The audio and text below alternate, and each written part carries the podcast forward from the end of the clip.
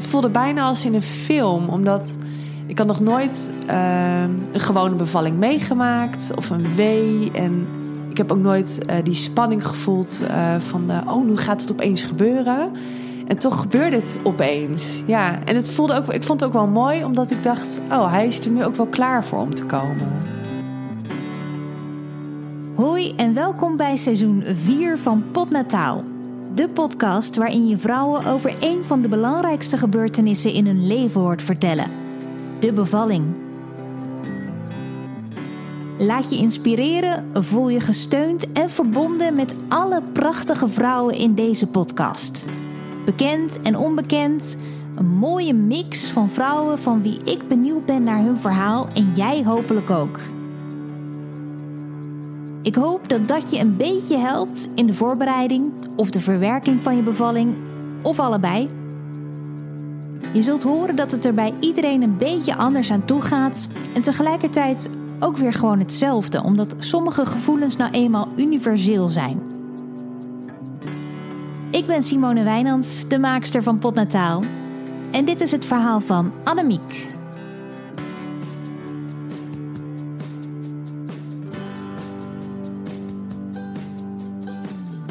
Ben Annemiek, ik ben 36 jaar. Ik ben eh, leerkracht in basisonderwijs, ik ben kleuterjuf. Ik ben getrouwd uh, met Arnoud en we wonen samen in Nunspeet met onze kinderen. Suze die is 7 jaar, Floortje is 6 en uh, onze zoon Jens is 2 jaar. Die is geboren in mei 2018. Annemiek is een van de luisteraars van Potnataal die zich dit seizoen had aangemeld met haar verhaal. Ik krijg inmiddels ontzettend veel aanmeldingen, dus ik moet wel een selectie maken uit de verhalen die ik krijg. En daarbij probeer ik natuurlijk altijd te zoeken naar een mooie balans tussen de andere verhalen en een verhaal wat we nog niet eerder hebben gehoord. Dat is best wel lastig hoor, want in principe is ieder verhaal natuurlijk uniek. Maar wat me direct intrigeerde aan het verhaal van Annemiek is dat zij niet één, niet twee, maar drie keer is bevallen door middel van een keizersnee. En dat is iets wat je niet zo heel erg vaak hoort. En de derde keer was gepland, maar zo begon het niet. Nou, het begon uh, eigenlijk s'nachts uh, met voor de eerste keer in mijn leven weeën. Ik had nog nooit weeën gehad. Dit is voor mij de uh, derde geplande keizersnee. En de keizersnee was ook gepland voor die ochtend. En ik was eigenlijk gewoon lekker gaan slapen. En met het idee van, nou, morgen krijg ik mijn zoon. Want ik wist dat het een jongetje zou worden. En uh, ik werd s'nachts om een uurtje of twee wakker en ik dacht, hè, heb ik nou gedroomd? Of ik, ik heb een beetje buikpijn. En uh, het trok ook heel snel weer weg. En ik ging weer verder slapen. En toen begon het nog een keer. En toen op een gegeven moment na een paar keer dacht ik, hé, hey, zou ik nou toch weeën hebben? Dat kan toch helemaal niet? Ik krijg toch een keizersnee? Want wanneer was het gepland? In welke week zat je? Uh, ik zat in week 39. Dus echt op uh, de dag af uh, op 39 weken. En ik zou die ochtend, moest ik me om half twaalf melden. En dan zou ik in de loop van de dag ja, bevallen, mijn keizersnee krijgen. En ja, s'nachts begon het. het was voor mij een hele bijzondere ervaring. Want ik ik had nog nooit van mijn leven een wee gehad. En ja, het had ook wel iets spannends. Van, oh ja, het gaat echt gebeuren nu. En uh, ja, het was heel gek. Voordat we verder die gekke nacht induiken met Annemiek... eerst maar even terug naar de aanloop naar die derde keizersnee. Hoe was dat gegaan? Ik weet uit eigen ervaring dat ze na twee keizersnedes, ik had zelf eerst een spoed en daarna een geplande, in het ziekenhuis eigenlijk tegen je zeggen dat vaginaal bevallen daarna niet meer mogelijk is, omdat de kans dat het litteken in je baarmoeder scheurt groter wordt. En dat daarna de risico's natuurlijk met iedere keizersnede ook weer groter worden. Ik ben benieuwd naar wat aan Annemiek verteld is over die risico's. Nou, het is wel hoe vaker je een keizersnee krijgt, hoe uh, lastiger het ook wordt om uh, die baarmoeder dan weer uh, netjes te openen. Je zit met littekenweefsel, je zit natuurlijk voor de derde keer in dezelfde ja, plek te snijden. En dat merkte je ook al met het maken van de echo's. Uh, dat, dat ze echt wel last hadden van al littekenweefsel. Dus ze hadden ook wel gezegd, drie is wel uh, ongeveer de max. Uh, ja. Probeer het hier wel bij te laten. En wat was jouw eigen afweging om toch de derde keer nog een, een keer... Ja, die, die wens voor een derde is er altijd al geweest. Zelfs een vierde hebben we ooit wel eens over gehad. Maar daar was ik na één kind al vrij snel van teruggekomen. En we hadden twee dochters. En uh, de wens voor een derde, ja, die, die was er altijd wel heel erg. En helemaal voor een zoon. Dus dat, uh, dat is, mijn man die zei altijd: we stoppen pas als we een zoon hebben. dus gelukkig was die derde keer uh, was goed gelukt. Ja, ja, maar je had niet na de tweede keer dus een, een keizersnede dat je dacht, nou ja, misschien uh, ja, is het toch te, te, veel risico. Dat, dat wil ik niet, durf ik niet meer aan. Nee, ik um, de, de, de het herstel van de, uh, van de keizersnedes daarvoor, die was eigenlijk heel goed. En um, ze waren me eigenlijk ook meegevallen. Vooral met een geplande keizersnee. Ja, je begint er uitgerust aan. Um, je weet wat er gaat gebeuren. Um, je bereidt je ook gewoon erop voor dat je een wat langer herstel hebt. En ik had wel vertrouwen in dat mijn lichaam dat nog wel uh, een keer aankon. Ja. Ja, want hoe kwam het dat je de eerste keer al meteen een geplande keizersnede. Stuitligging. Ja, waar ik eigenlijk heel erg blij mee was. Want ik had um, heel erg probleem met mijn rug. Ik ben ooit in het uh, verleden een aantal keer geopereerd ook aan mijn rug van, vanwege hernia's. Toen uh, zijn die wervels ook vastgezet. Kunstwervels, tussenwervelschijven ook gekregen. En um, ik heb altijd al gedacht, en de chirurg heeft ook wel eens gezegd: van joh, met een bevalling uh, ja, zou dat wel eens problemen kunnen opleveren. En het ging eigenlijk heel goed met mijn rug. Totdat ik zwanger werd, kreeg ik weer een hernia. En toen dacht ik wel, poeh, ik weet niet of ik uh, zo durf te gaan bevallen. Terwijl de gynaecoloog die dacht, nou, dat, dat zien we tegen die tijd wel. Uh, hè, als het dan echt niet gaat, dan met je rug, dan kijken we wel. En ik um, was best wel bang dat tijdens de bevalling mijn rug dan, ja, dat het dan echt kapot zou gaan. Of dat ik daarna dan heel erg last van zou houden. Um, maar goed, de gynaecoloog die vond nog steeds dat we het gewoon moesten proberen. En toen bleek mijn dochter dus in stuit te liggen. Dus voor mij was het eigenlijk ja, geluk bij een ongeluk. Ik dacht, uh, dit is goed zo. Een keizersnee is voor mij niet heel uh, prettig. Maar voor mijn rug is het goed. En voor de baby is het ook heel veilig. En nou, dit, dit gaat gewoon goed komen op Ja. die manier. Een natuurlijke bevalling eh, in stuit heb je nooit overwogen in ieder Nee, geval. nee, ze hebben ook nog over, uh, aangeboden van zullen we de baby dan draaien? Toen zei ik nee hoor, hoeft niet. Laat me lekker zitten. Doe mij die keizersnee maar. Voor haar kwam de stuitligging van haar dochter dus als een geluk bij een ongeluk. Tot aan de geplande datum blijft haar dochter zitten waar ze zit. Ze zat ook eh, heel hoog. Ze zat echt met haar hoofd tussen mijn ribben. Um, ze was, ja, was een heel klein babytje. Ja, was ook met 39 weken plannen ze dat dan. Echt een week van tevoren, dus ook weer niet te vroeg. Maar ook niet rond de 40 weken, omdat de kans uh, is dat je dan weer een spoedkeizersnee krijgt. Omdat de bevalling dan uh, spontaan begint. En uh, ja, dus dat was uh, gelijk de eerste keer een keizersnee. Ja, ja. ja. maar dat, dat is eigenlijk dus gewoon... Ja, je weet natuurlijk ook niet wat, wat, hoe het was geweest als je natuurlijk was bevallen. Dus je kan het nee. niet meer... Uh... Nee, en ik moet ook zeggen, ik heb zelf nooit uh, de, de hele sterke wens gehad... van ik wil graag natuurlijk bevallen of ik wil het een keertje meemaken. Ik vond het een hele goede oplossing zo, ja. Ja, ja. en het ging, ja, ging dus ook goed. Goed herstel, zei je eigenlijk ja. al. Ja. ja, ik was natuurlijk ook jong nog. Ik was toen een jaartje of 29. Dus ja, voor je 30, hè, dan ben je nog lekker.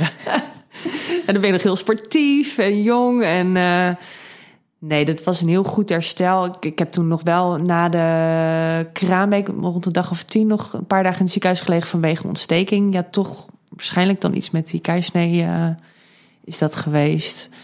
Maar uh, nee, ik, ik, zei ook tegen iedereen dat, dat het heel erg meeviel. Ja, ja, ik vond ja. het echt goed te doen. Was het ook zo'n gentle sexio die je toen nee, hebt gehaald? Nee, toen nog niet. Nee, dat was toen nog. Dat was net het kantelpunt. Want de tweede was dus wel een gentle sexio. Ja, wat, Ja, wat, is het, wat was het verschil? Hoe ging het bij de eerste aan toe? Um, bij de gentle sexio, dan is. Uh, toen kreeg ik bijvoorbeeld een, uh, een soort speciale buis bij mijn. Uh, ja, bij, in mijn hals, waar warme lucht uit kwam. Dus het was al wat warmer. Uh, dat was ook omdat de baby dan direct bij me zou komen te liggen.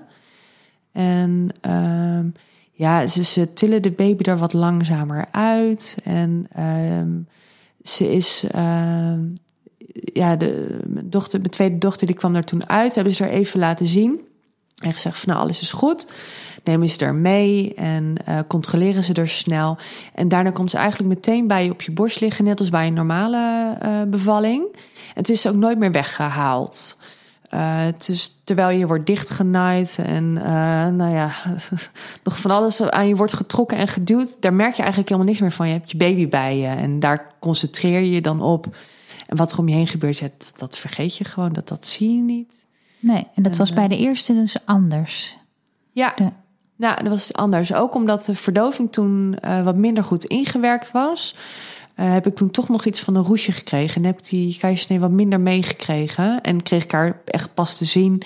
Uh, nou, ik denk een uur na de bevalling. Dus dat, uh, dat was echt wel anders. Ja, ja. Oh, maar, want waar, waardoor kwam dat, dat die verdoving dan minder werkte? Ja. Toch waarschijnlijk die rug, ja.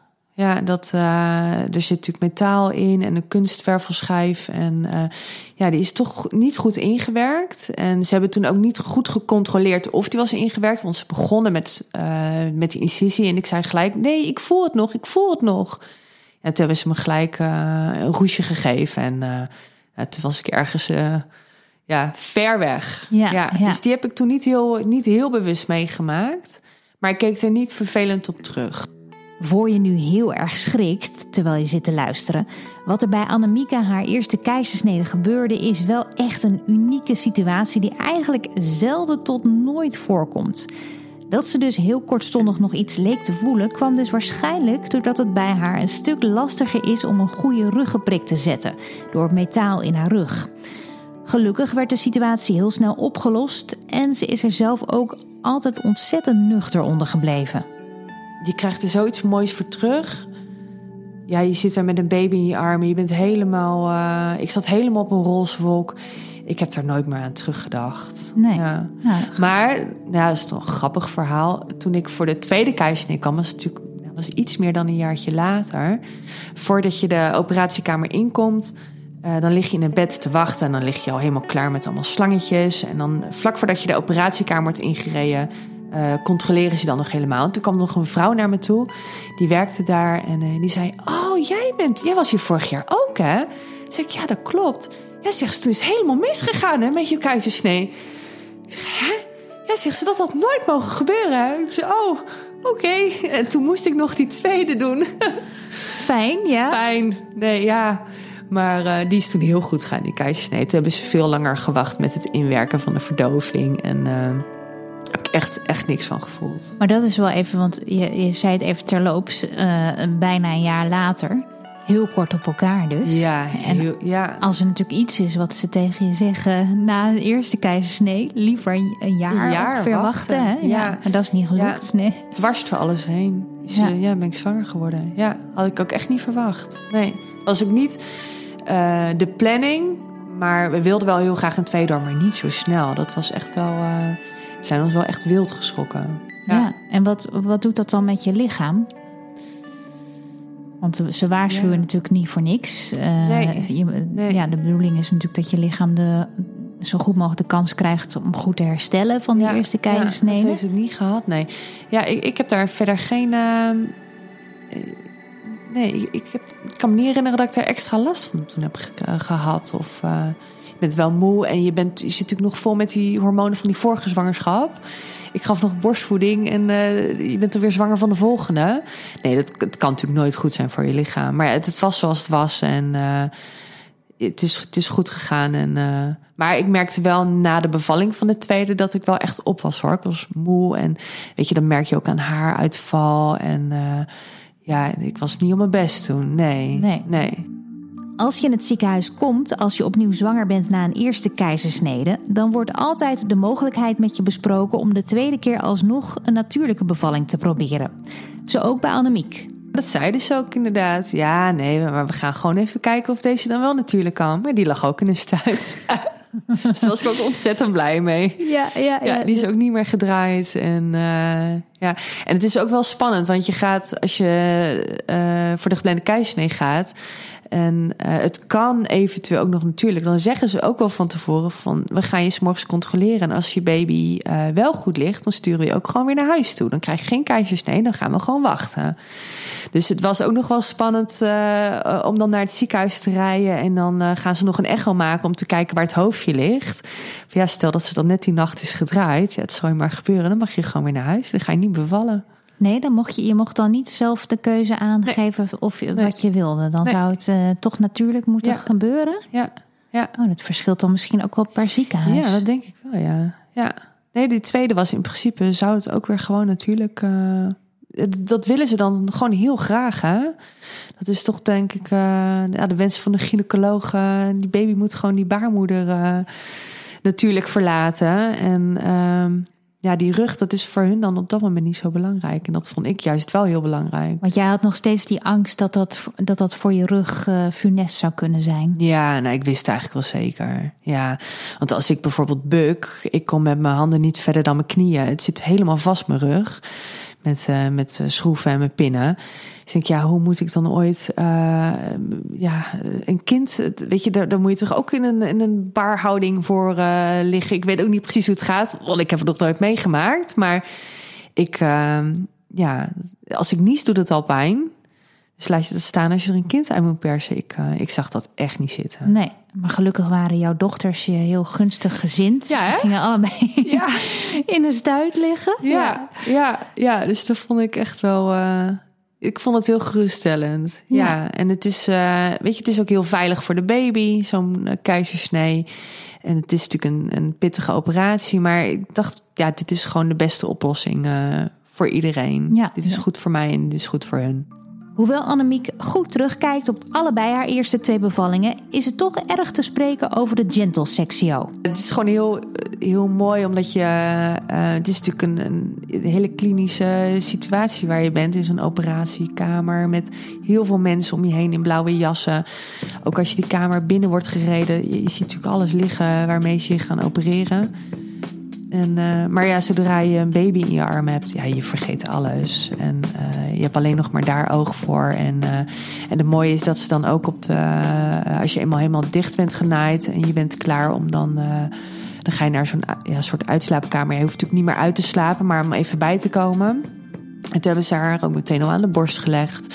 Dus daar heeft ze al voor de eerste keer gedronken. En eigenlijk komt dat hele natuurlijke eh, ja, proces na zo'n bevalling komt heel mooi op gang op die manier. Ja, Ja, en is alleen de uitgang is anders, maar verder ja. kan ik me voorstellen dat het eh, goed te vergelijken is met een gewone bevalling. scheelde het dat je het al een keertje had meegemaakt, denk je? Was je daardoor er geruster op? Want een, een angst bij heel veel vrouwen die nog een keer, die überhaupt nog moeten bevallen, is dat het misschien een spoedkeizersnede wordt. Daar, Ja. daar zien heel veel vrouwen Ja, ja, tegenop, eh, Ja. zijn daar angstig voor. Eh jij had natuurlijk al een keertje meegemaakt. Dat was weliswaar gepland, maar je weet al wat het voelt. Maakt, maakte dat dan veel verschil uit voor de tweede keer? Ja, maakt heel veel verschil uit. Ja, omdat je gewoon weet, ehm, op deze kamer, kom, op deze afdeling kom ik te liggen. Ehm, ze gaan dit doen, eh, de voorbereidingen. Ik was bijvoorbeeld bij de eerste eh, bevalling heel erg bang voor de rugprik. Nou, dat stelt dus echt niks voor. Nee, dat, en dat weet je dan van tevoren van, oh ja, zo'n ruggenprik, dat valt heel erg mee. Terwijl ik er echt wat tegenop zag. En, ehm, en je weet ook gewoon, je hebt het vertrouwen in je eigen lichaam van, oh ja, ik heb dit al een keer gedaan, ik kan dit. En ik weet wat er gaat gebeuren. Ehm, ja, dat, dat scheelt wel. Ja. Tuurlijk, dat onbekende, dat is het, het meest spannende aan zo'n hele bevalling, vind ik. Ja, maar ook heel, tenminste dat vond ik zelf heel bevreemdend dat je dan naar het ziekenhuis gaat en dat je weet, oké, over wat is het, twee uur of zo, dan heb ik gewoon een baby. Ja, Dat je, ja, terwijl je nog helemaal niks hebt, geen Nee. weeën, niks, ga rij je naar het ziekenhuis. en met je koffertje. ja, dat Ja. is wel heel gek. Ja, ja dat, dat blijft ook heel gek. Dat, d- daar, daar kun je gewoon met je hoofd ook niet bij. Nee. Nee. En jij had natuurlijk ook niet op een andere manier meegemaakt. Je- Nee. Bij jou gingen natuurlijk allebei eh, Ja. gepland. Ja. En had je nou nog bij de tweede, ehm, vond je het nog spannend? Dat je dacht, nou ja, misschien is dat litteken wel niet sterk genoeg. Eh, heb je daar nog over nagedacht van tevoren? Nee. Nee. Nee. Heel onbevangen, hè? Ja, heel Ja. erg. Ja, dat verbaast Ja. me wel een beetje eigenlijk. Ja. Ja. Tenminste, ik vind- het fijn voor je. Ja.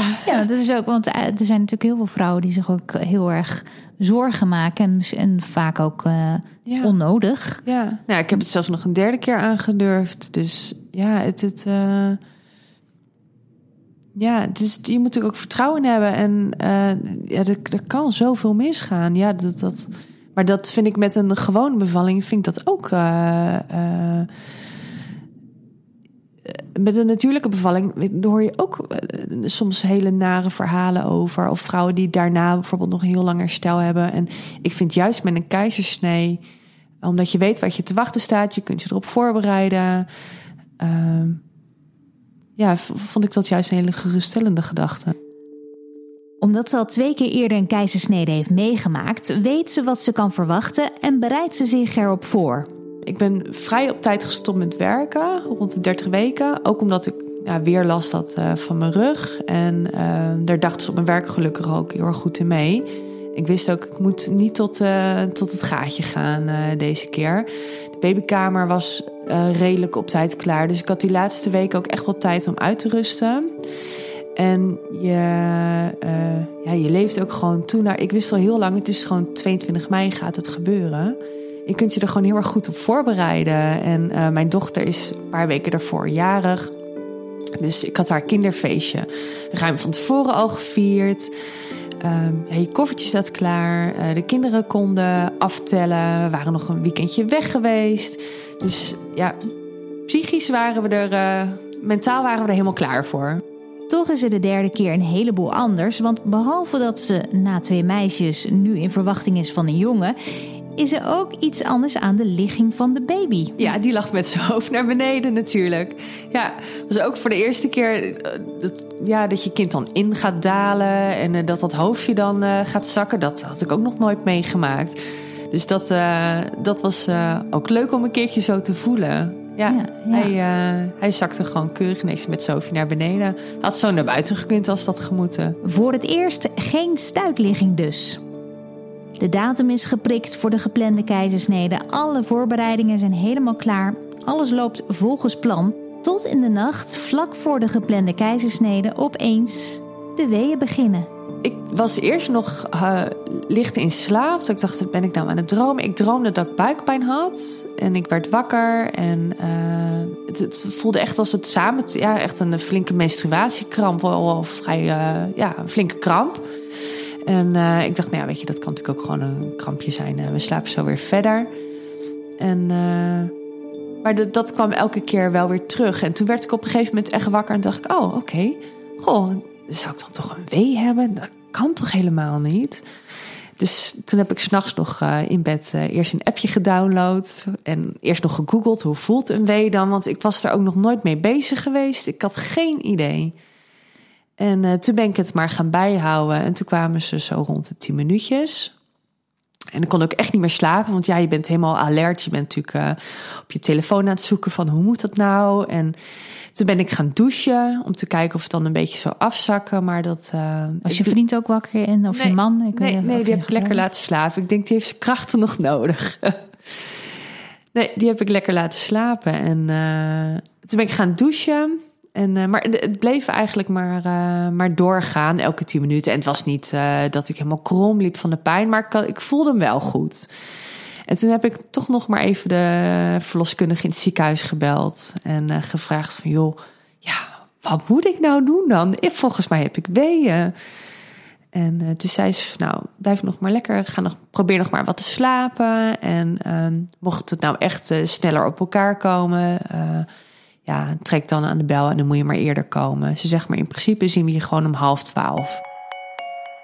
Annemiek is niet in paniek of zenuwachtig, maar spannend vindt ze het wel. Het voelde bijna als in een film, omdat ik had nog nooit uh, een gewone bevalling meegemaakt of een wee. En ik heb ook nooit uh, die spanning gevoeld uh, van, uh, oh, nu gaat het opeens gebeuren. En toch gebeurde het opeens. Ja, en het voelde ook, ik vond het ook wel mooi, omdat ik dacht: oh, hij is er nu ook wel klaar voor om te komen. Het is tijd. Ja, het voelde wel een beetje als een. Het voelde meer als een cadeautje, dus dan als een. Ja, een soort stom, schrik uh, ja. moment. Ja, je bent, volgens mij ben jij heel kalm. Je bent niet zo snel in paniek. Uh, nee, nee, ik ben niet snel in paniek. Nee, nee. ik vond het, uh, vond het wel mooi. Maar goed, ik heb de hele nacht verder niet meer geslapen. Gewoon, ja, het is gewoon te spannend uh, op dat moment. Want ik hoor ook wel eens in een podcast dames die dan uh, weer heerlijk nog even een uurtje gaan slapen. Of nee, dat, kon ik echt niet meer. En ik dacht ook, nou, dan kan ik nu nog mooi de hele nacht lekker eten. Want tot, tot zes uur mocht ik volgens mij nog eh, ja, een lichte maaltijd. Ik denk, nou, dan doe ik dat nog maar eventjes. Dat had ik anders namelijk niet gehad. Ik was er niet voor opgestaan. Maar ehm, ja, dus ik heb volgens mij beneden op de bank nog een serietje zitten kijken. Midden in de nacht eet ze nog wat en kijkt met een half oog naar de serie Friends. De volgende ochtend brengt ze samen met haar man haar dochters naar de school en de opvang, met ondertussen af en toe een wee. Ik kwam nog bekenden tegen en iedereen wist ook dat ik die dag zou gaan bevallen. Had ik bij de eerste twee had ik dat niet verteld. Had ik wel gezegd van nou ja, zo rond deze datum zal het wel eens kunnen gebeuren. Maar iedereen wist ook, dinsdag 22 mei, uh, dat is de dag. Dus ik kwam onderweg naar school, uh, op het schoolplein nog moeders tegen. Die zeiden, nou kom op, succes hè. En ik, ik van, ja, dankjewel, dankjewel. En ondertussen nog een wee uh, wegpuffen. Niemand weet dat ze weeën heeft. Annemiek geniet stiekem van dit mooie grapje van de natuur. Thuis hebben ze nog wat tijd over voor ze naar het ziekenhuis moeten. Volgens mij ben ik nog een beetje in bed gaan liggen en uh, geprobeerd om wat te slapen. Maar ja, dat, dat lukt gewoon niet. En mijn man die had s morgens gewoon nog een afspraak bij de kapper. Die dacht, nou, als mijn haar maar goed zit. En, uh, Meestal is dat bij de vrouw, maar... Uh... Ja, nou ja, daar had ik natuurlijk de avond ervoor al voor gezorgd. Hè. Dat is natuurlijk wel het voordeel van zo'n geplande keisnede. Ik was inderdaad nog naar de kapper geweest, naar de schoonheidsspecialist. En nou, ik lag de picobello bij hoor. ja, was er helemaal klaar voor. Je kunt je benen nog even scheren de avond ervoor. Ja, ja. ja. maar je weeën, die, want die gingen natuurlijk door, maar werden ze niet sterker in de tussentijd? Ja, ze kwamen wat sneller op elkaar, maar nog steeds niet heel heftig hoor. Ik had niet het idee van nou, uh, ik ga nu, uh, het gaat nu gebeuren. Ik ga nu bevallen. Nee, dat nog niet. Nee, nee. Maar ze werden op een gegeven moment, want we zaten in de auto naar het ziekenhuis en toen heb toen reden we ook heel hard over een drempel. Toen zei ik, nee, dit doet pijn. Stop, rustig, rustig rijden, rustig rijden. Ja, toen voelde ik hem wel. De weeën zetten lekker door dus, maar nog niet dermate dat ze opeens acuut zou moeten bevallen. En dus wandelt ze nog steeds behoorlijk rustig, maar opgetogen met haar man en een koffer het ziekenhuis in. Met je dikke buik en uh, dan loop je naar de afdeling. En ik liep toen een poosje in mijn eentje, want mijn man die ging nog de krant halen van de dag uh, van de bevalling. Leuk om te bewaren. En ik had ook gezegd, haal maar even een flesje cola. Iets met veel suiker, want ja, je moet wel natuurlijk wel overeind blijven uh, tijdens de keizersnee. Dus dan meld je je bij zo'n balie. En dan zeg je, hallo, ik ben Annemiek en uh, ik kom bevallen. Dat, dat voelt gewoon heel raar. Ja, alsof ja. je naar de tandarts gaat. Zometeen hoor je natuurlijk hoe het Annemiek verder vergaat in het ziekenhuis. Maar we moeten er toch heel even tussenuit piepen voor een momentje met de sponsor van dit seizoen, Auto.nl. Als je zoals Annemiek opeens van twee naar drie kids gaat, dan is een grotere auto eigenlijk onvermijdelijk. Dat is sowieso een ding hoor, als je kinderen krijgt. Een grotere auto hoort er gewoon bij. Of is dat gewoon ons idee tegenwoordig? Ik vraag me dat namelijk wel eens af, omdat toen ik en mijn zusje klein waren, mijn ouders op een zeker moment rondreden in een Suzuki Alto. En daar gingen we ook mee op vakantie naar buitenland. Nou, ik kan je verzekeren, dat is een heel klein autootje. Maar toch pasten we erin en konden we nog genoeg meenemen naar onze vakantiebestemming. Maar hoe dat mogelijk was, ik weet het echt niet. Het is echt een van de grootste raadsels uit mijn leven inmiddels.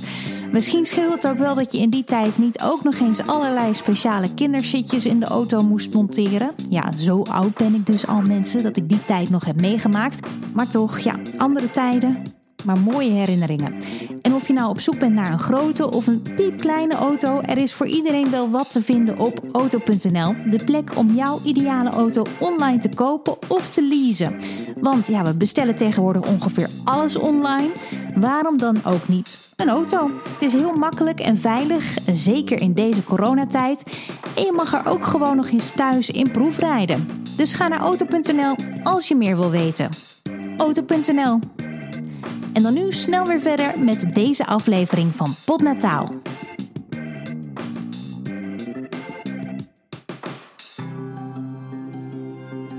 Annemiek is de twee keer ervoor ook in hetzelfde ziekenhuis bevallen, dus ze voelt zich bijna thuis als ze binnenkomt. Heel vertrouwd is het eigenlijk allemaal. Hè? Dat is heel leuk, want zelfs dezelfde koffiejuffrouw was er nog. Ja, dat was Annabel en die maakte altijd hele lekkere cappuccino's. En uh, nou, daar was ze weer hoor mocht helaas geen cappuccino, maar... Uh... Nee, waarom niet? Oh, je mocht niet meer drinken Nee, je mag niet meer nuchter blijven. Ja, ja. ja. en dan pak je je koffertje uit en... Uh, is gewoon heel gek, want er staat al een klein, uh, ja, zo'n plastic uh, bakje klaar waar je kind in komt te liggen, een soort van wiegje. Ja, dan leg je daar dat eerste pakje al klaar en kleertjes. En uh, ja, je, ligt gewoon helemaal klaar om, om opgehaald te worden. En dan, dan krijg je nog controle van tevoren. Je krijgt nog een CTG om te kijken of alles goed is. En even nadenken. Ze controleren toch met een echo hoe de baby ligt. Voor uh, als ze natuurlijk uh, je openmaken, dat, dat ze weten waar het hoofdje is. Je krijgt dan alvast een blaaskatheter. Je krijgt een infuus geprikt. Dat is bij mij dan altijd. dat vind ik eigenlijk het ergste van die hele bevalling: infuus prikken. Op de een of andere manier heb ik altijd pech ook dat ik dan iemand heb die even komt oefenen. Dus ik had ook een heel jong ja, volgens mij was het een, een co-assistent. Of ja, in ieder geval iemand met heel weinig ervaring. En die had al van die hele koude, klamme handjes. Dus toen dacht ik al. Oh, nee, niet weer. En toen uh, ja. sprikte mis of uh, ze kreeg. Ja, ik had gezegd: je mag het twee, drie keer proberen. En dan, uh, dan wil ik wel graag dat iemand met ervaring het doet. En dat wilde inderdaad ook niet. En het heeft de verloskundige uiteindelijk het infuus geprikt. Als de infuusproblemen zijn opgelost, keert de rust terug en zetten Annemiek en haar man hun telefoons uit. Ja, op dat moment moet je ook wel even, uh, ja, je even afsluiten voor de wereld. Je kunt niet uh, al append uh, die, die kamer, de, de, de, operatiekamer oprijden. Dus telefoons uit. En eh, ja, dan zit je inderdaad gewoon ja, te wachten. En ik weet nog wel ehm, dat ik dacht, oh, ik zal de baby een beetje wakker maken. Want ik vind het dan zo sneu tijdens zo'n keizersnee dat zo'n baby dan nog diep in slaap is. En dan word je opeens die baarmoeder uitgehaald. En dat had ik ergens gelezen van, joh, maak je baby een beetje wakker voordat je uh, gaat. Dus dat ik inderdaad ook gedaan. En hoe deed je dat dan? Een beetje duwen, trekken en uh, op een gegeven moment komt er dan wel wat beweging in. Ja beetje prikken. Ja, hij was natuurlijk al een beetje aan het rommelen. Omdat, ja, uh, ze kon het op de CTG ook zien trouwens dat ik weeën had. Ik vroeg nog aan de verloskundige, ben ik dan nu ook echt aan het bevallen? Ja, zegt ze, ja, dan moet ik je ontsluiting controleren. Ik zeg, nou, nee, dat hoeft niet. Dank je wel, ik geloof het wel. Ja, dat hebben ze dus niet gedaan. Was je daar niet nieuwsgierig naar? Nee. nee ik was het wel heel nieuwsgierig naar. Maar ik denk, ja, om nou, dan moet ik dan een inwendig onderzoek voor laten doen dat had ik ook nog nooit gehad, hè? Dus, nee, daarom. Ja, dat, dat is heel stom. Ja, ja. daarom zou ik juist misschien ook wel denken van... nou ja, waarom niet? Het is de laatste keer waarschijnlijk. Tenminste, ja. had je in je hoofd. Ja, uh, ja. ja. toch. Zo groot was de nieuwsgierigheid dus niet. Nee, nee, nee, nee blijkbaar nee, niet.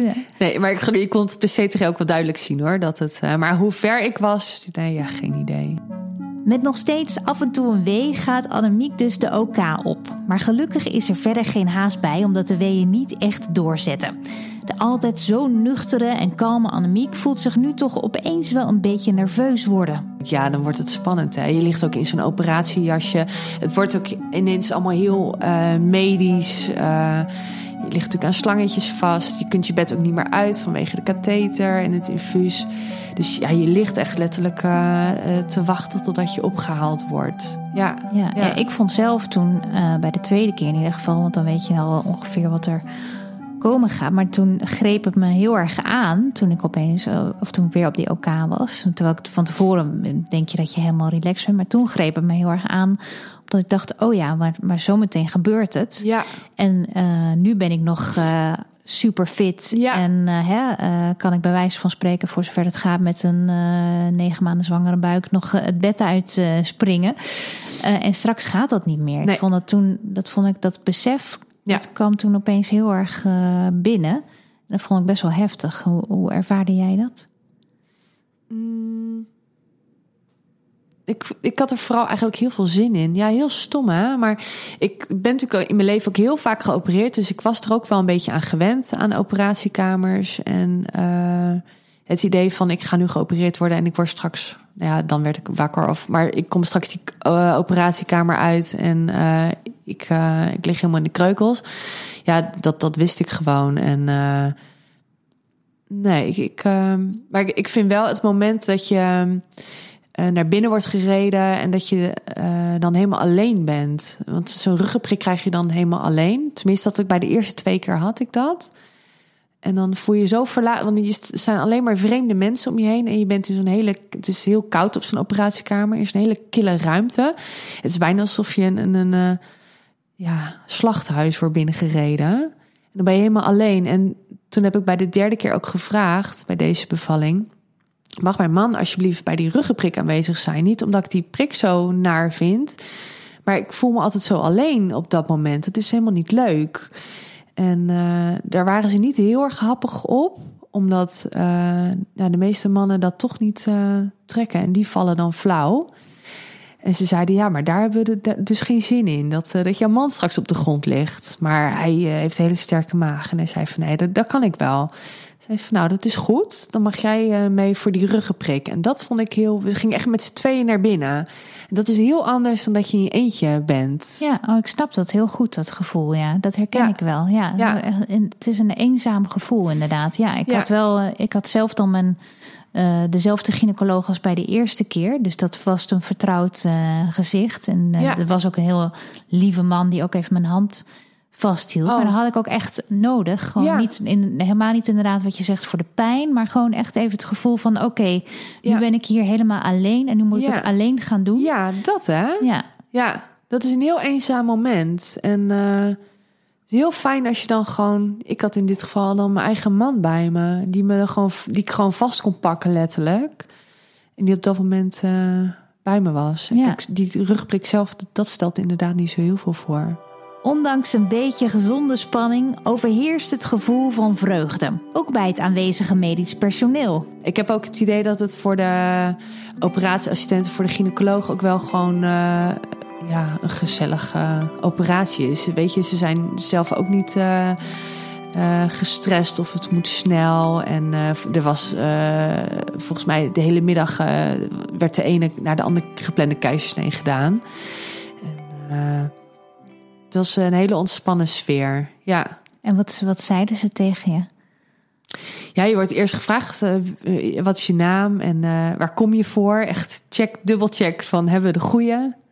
Dus dan, ja, ik ben Annemiek, uh, ik kom bevallen. En dan word je eerst op een, want je ligt eerst nog op een zacht bed... en dan word je echt op de operatietafel getild. En ja, het is natuurlijk heel koud en hard. En uh, je moet nog even goed krom zitten dan voor die uh, ruggenprik. En toen had ik echt nog een flinke wee. Dus toen zei ik ook van nee, je moet nu even stoppen. Want hij was al wel verdoofd, maar die, ja, die uh, prik zelf had hij nog niet gezet. Dus daar moest hij even mee wachten. Ja, en dan krijg je die prik en dan, dan word je neergelegd en dan voel je meteen al heel je benen, je buik, alles wordt heel warm en zwaar. En uh, ik werd toen ook echt nog even duizelig en misselijk, gewoon omdat je bloeddruk dan ook even kan zakken. Dus dan krijg je weer medicatie. En toen kwamen ze er ook achter dat het infuus toch niet goed zat. En uh, elke keer als hij er wat in deed, dan deed het echt wel was dat heel vervelend gevoel. Het brandde heel erg. En toen zei hij van ja, dan geef ik je nieuwe. En toen zei ik nee, ik wil geen nieuwe meer. Ja, je bent natuurlijk ook wel een beetje klaar met al die uh, prikken. En, uh, en een beetje emotioneel natuurlijk. Ja, ook, ja, ja, ja. En ik was toen ook heel erg aan het trillen, weet ik wel. Van de kou en ook van de spanning. Ja, weet je, en dan, dat is natuurlijk echt het moment dat je ja, echt helemaal overgeleverd bent. Je kunt helemaal niks meer doen. Je hebt geen controle meer helemaal niks.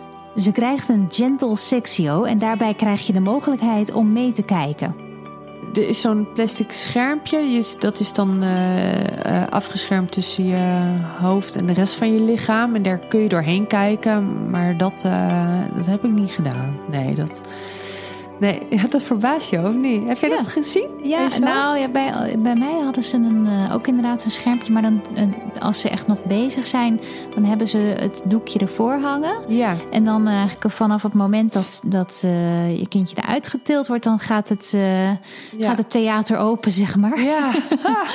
en dan, dan, zie je alles. Ja, ik vind het altijd heel fascinerend. Dus ik wil zoveel mogelijk wel zien. Ja, ik vind het ook fascinerend bij iemand anders. En als ik de foto's terugzie, vind ik dat ook niet naar om naar te kijken, maar op het moment zelf, nee, ik wilde dat echt niet zien. Mijn man die heeft het over dat doekje heen gekeken. Die heeft echt de hele operatie uh, gezien, maar ik wilde dat niet zien. Waar nee. focuste jij op? Uh, heel erg op mijn ademhaling, ja. Ja, en mijn man die vertelde ook wel wat hij zag. En uh, die had mijn hand vast. En, of nee, die had mijn hand niet vast. Nee, want je ligt helemaal vastgebonden. Het is net alsof je aan een soort uh, kruis zit. Ja, want je armen zijn vastgebonden aan beide kanten. Maar hij had mijn hand volgens mij wel vast. En hij vertelde dan wat hij zag. En, hij, en hij stelde mij gerust. En ondertussen was ik in gesprek ook met de anesthesist. Want ik had toch wel, wel last van, van pijn. Ehm, ja, het was ze moesten best wel uh, hun best doen om uh, bij die baarmoeder uiteindelijk te komen. Vervelend genoeg blijkt het door Annemiekes eerder genoemde rugproblemen toch weer lastig om goed te verdoven. Ze is wel verdoofd, maar krijgt hier en daar toch wat mee. Ik voelde niet uh, dat ze in mijn huid sneden of zo. Dat voelde ik niet. Maar met een uh, keizersnee, ze snijden niet alles. Hè. Ze scheuren heel veel. Dus je baarmoeder wordt gescheurd. Dat is dan voor de wond uh, is dat makkelijker te genezen. Klinkt heel naar. Dat klinkt heel, ja, en dat. En dat, voel, dat is dus ook wat ik echt wel voelde. Dat ze kracht zetten en dat er echt aan me getrokken werd. En dat een hele scherpe pijn. En op een gegeven moment had ik echt veel pijn. En toen zei de anesthesist van ja, hier moet je even doorheen. Want dit is je buikvlies. En ik dacht alleen maar, mijn buikvlies, help. Ja, wat gebeurt er allemaal? En de, ik was niet in paniek, maar dat, dat moment vond ik niet prettig. Nee. Ik benadruk nog maar weer een keer: dit is wel echt een unieke situatie. Hè? Normaal gesproken voel je echt helemaal niets. Dit specifieke probleem werd echt veroorzaakt door Annemiek's rugproblemen. Desondanks blijft ze nuchter als altijd. Ja, en weet je, en dat blijf je altijd maar voor ogen houden. Je gaat naar huis met een kind. En uh, uh, ik heb natuurlijk ook wel eens rugoperaties gehad. En dan kom je ook uh, met heel veel pijn zijn operatiekamer uit. Maar je krijgt er verder niks voor terug. En nu weet je, uh, ik, ik, ik heb straks een baby. Een mooie beloning inderdaad. Ja, ja. het is nog steeds op dat moment nog steeds de mooiste dag van je leven. Hoe ja. gek het ook is. Ja. ja. We bladeren nog wat door Annemiek's babyboek. Ook om te kijken hoe snel de geboorte eigenlijk ging. Want daar op de OK is het besef van tijd wel kwijt. Om 14 uur 29 zijn ze begonnen. Waren ze begonnen met de keizersnee.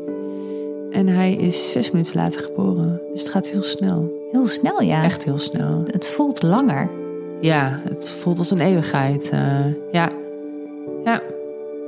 Ja, ik denk het moment dat ze je opensnijden. Ja, het, ja, het is binnen 10 minuten gebeurd. Ja, want bij mijn uh, dochter waren ze begonnen. En ik wist bij mijn tweede. En toen waren ze al begonnen. En toen wist ik van, oh ja, dit gaat heel snel. En toen zei ik, maar waar is mijn man eigenlijk? En die hadden ze nog helemaal niet geroepen. Dus die stond nog ergens buiten te wachten. Zei zo, meneer, kom maar gauw, uw kind wordt al geboren.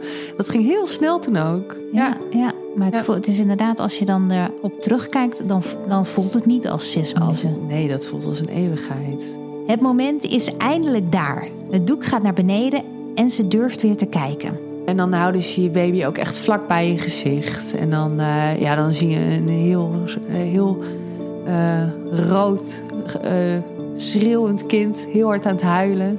Ja, maar wel, ja, het eerste wat je denkt, is die gezond? Is die gezond? Ja, dat was die ook. Maar je kunt hem dan nog niet vastpakken of, of echt goed bekijken. En dan op de operatiekamer zelf staat dan een kinderarts klaar uh, om de baby helemaal te controleren. En daar is mijn man dan ook, uh, die was daar ook meteen bij. En, uh, en, die riep dan ook echt: Nee, alles is goed hoor, hij is gezond. En dan hoor je hem huilen. En, maar ja, op dat moment ben je ook wel weer heel eventjes alleen. want je man is bij je, bij je zoon. En wat, wat zei de gynaecoloog toen hij hem uit je buik tilde? Zei, zei een zoon. Ja, en hoe heet hij? Ja, dan vraagt ze ook meteen: Hoe heet hij? Ik zeg: Hij heet Jens. Ja. ja, wat een mooie naam. Ja, en dan. Uh... En die gynaecoloog gaat eigenlijk meteen weer verder uh, uh, met zijn werk. En dat is niet baar. Ja, de placenta wordt er nog uitgehaald. En ze duwen je baarmoeder ook echt leeg. Dan op een gegeven moment zetten ze heel veel druk er ook op. Om al het bloed, wat je normaal na een bevalling zelf nog verliest, dat, dat verwijderen ze eigenlijk allemaal.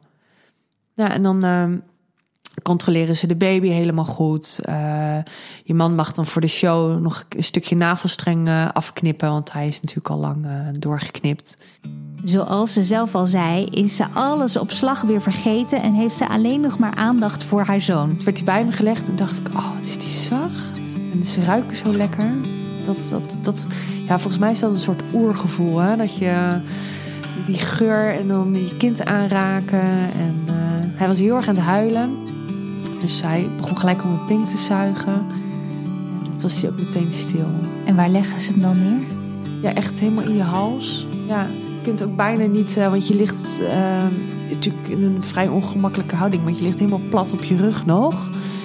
En dan leggen ze hem echt heel, uh, heel hoog op je borst. Ja, en dan met het dekentje eroverheen. En dan uh, blazen ze ook een beetje warmte over hem heen, want het is gewoon best koud op zo'n operatiekamer. En, maar ik was wel heel erg aan trillen nog. Gewoon van de kou en de spanning. En uh, ja, alle, alle stress die, die je toch, ook al denk je dat je dat niet hebt, uh, toch eroverheen komt. En, dus ik had hem wel echt zoiets van, ik moet hem heel goed vasthouden. Maar mijn man die hield ook nog aan de achterkant zijn arm eromheen. Dus er kan natuurlijk ook helemaal niks gebeuren. En ja, op dat moment focus je alleen nog maar op je kind. Haar zoontje blijft bij haar liggen en als ze van de OK afkomt, helpen ze haar ook direct met aanleggen, wat gelukkig heel goed gaat. Helaas heeft ze wel flinke last van naweeën en dat is buitengewoon pijnlijk als je net een keizersnede hebt ondergaan. Op een gegeven moment heb ik aan de bel getrokken van joh, uh, ik, uh, ik heb echt heel erg veel pijn. Want er zou, mijn uh, ouders waren langs geweest en mijn schoonouders. S'avonds zouden nog mijn beste twee vriendinnen langskomen. En die heb ik toen echt afgebeld en gezegd van mijn man heeft ze gebeld. Die zei van, joh, ze heeft echt te veel pijn. Uh, doe dat maar gewoon niet. En toen uh, heb ik van de verpleging nog inderdaad een morfine gekregen. Want het uh, deed echt heel erg zeer. Ja, ja. echt de klappertanden van de pijn. En toen kwamen die weeën ook echt om de paar minuten. Dat ik echt niet wist waar ik het zoeken moest. Al na twee dagen mag Annemiek weer naar huis. Dat wil ze zelf ook graag. Ook al voelt het best wel snel. In het ziekenhuis waar ik beviel was het standaard om vier dagen te blijven. Maar dat is dus niet overal zo. Bij mijn dochter was het drie dagen inderdaad de oudste. En bij die uh, andere twee zeiden ze ja 48 uur. Maar dan moet je ook echt wel in goede, goede doen zijn hoor. Want ik had s'avonds van de verpleging uh, inderdaad toen nog morfine gekregen voor die naweeën. En uh, s'morgens uh, stond ik te douchen. En toen zei die verpleger nog van... nou, dat had ik ook niet gedacht gisteravond dat jij nu zou gaan douchen. Ik zeg, nee, maar ik wil, uh, ik wil van het infuus af. En ik wil, je moet even zelf kunnen plassen. En ja, je wil gewoon dat, dat bed ook weer uit hoor. Want helemaal, ik, op een gegeven moment gaat je rug gewoon pijn doen van dat plat liggen. En je wil er gewoon uit, ja. Annemiek geneest gelukkig snel en ze weet ook voldoende rust te pakken. Inmiddels zijn we weer een paar jaar verder natuurlijk, maar ik ben ook nog benieuwd hoe drie keer een keizersnede heeft uitgepakt voor haar litteken. Je kunt wel aan, me, aan de voor, als ik mijn buik van de zijkant zie, dan kun je wel zien dat er echt wel een, een soort van hap uitgenomen is. Uh, maar in principe met een bikinibroekje eroverheen zie je dat niet. Uh, nee. En ze zeggen wel dat uh, je buik wat slapper blijft erna. Ik denk, nou ja, ach, prima. Ja, kan mij het schelen. Niet, ja, nee. kan mij het schelen. Zolang die nog in mijn broek past. Nee, dat... Dan is het allemaal goed. Ja. ja. ja. En je hebt daar ook niet meer last van meer nu een paar jaar, nu je een paar jaar verder nee. Uh, bent. Nee, nee, echt ontzettend goed hersteld. Ja. ja. Ja. dat kan ook heel erg per persoon natuurlijk verschillen. Er zijn ook vrouwen die hebben na één keizersnee al heel veel last. Ja, ik heb nog wel bijvoorbeeld dat, dat de huid eromheen uh, en mijn onderbuik ook wordt. is helemaal doof. Dat is, dat is niet meer teruggekomen. Dat had ik eigenlijk nog wel verwacht dat dat uh, nog wel zou herstellen. Maar dat is echt helemaal doof gebleven. Het is gewoon dat ik nu na drie keer denk van... Uh, oh, dat is eigenlijk nooit meer, uh, nooit meer goed gekomen. Maar ja, ach, ja, dat zijn erge dingen. Met de lang verwachte zoon gaat het nog steeds ontzettend goed. Het is een ontzettend lieve jongen. Ja, ja heel gezellig. De meisjes zijn ook echt, echt heel erg dol op hem. En hij is heel knuffelig. Heel rustig ook. Lief. Ja, Echt leuk. het is gewoon leuk, uh, een jongen in huis. Uh. en het is gewoon ook uh, thuis nu een beetje de jongens tegen de meisjes. Ja. Als, dan, als ik dan even wegga met mijn dochter, of met allebei de dochters, dan zeggen ze altijd: we laten de piemels thuis. Je hoorde het verhaal van Annemiek. Als je Podnataal een fijne podcast vindt, vergeet dan niet om een 5-sterren recensie te geven in iTunes. Dat heb je zo gedaan en op die manier zorg je ervoor dat nog meer mensen deze podcast makkelijk kunnen vinden. En misschien als je tijd hebt kun je daar ook nog een recensie achterlaten. En als je abonneert op de podcast, dat kan in elke podcast-app, dan krijg je altijd een melding als er een nieuwe aflevering is. En wil je mij nou graag een persoonlijk bericht sturen naar aanleiding van deze podcast? Dan kun je dat doen via mijn Instagram-account. Dat is @simonewijnands vind het heel leuk als je me daar komt volgen. En je kunt het ook nog op een andere manier doen, namelijk via de speciale site vriendvandeshow.nl slash potnataal. Daar kun je ook met mij of andere luisteraars in contact komen en deze podcast eventueel financieel steunen. Potnataal is verder te beluisteren via alle beschikbare podcast-apps en natuurlijk via dag en nacht.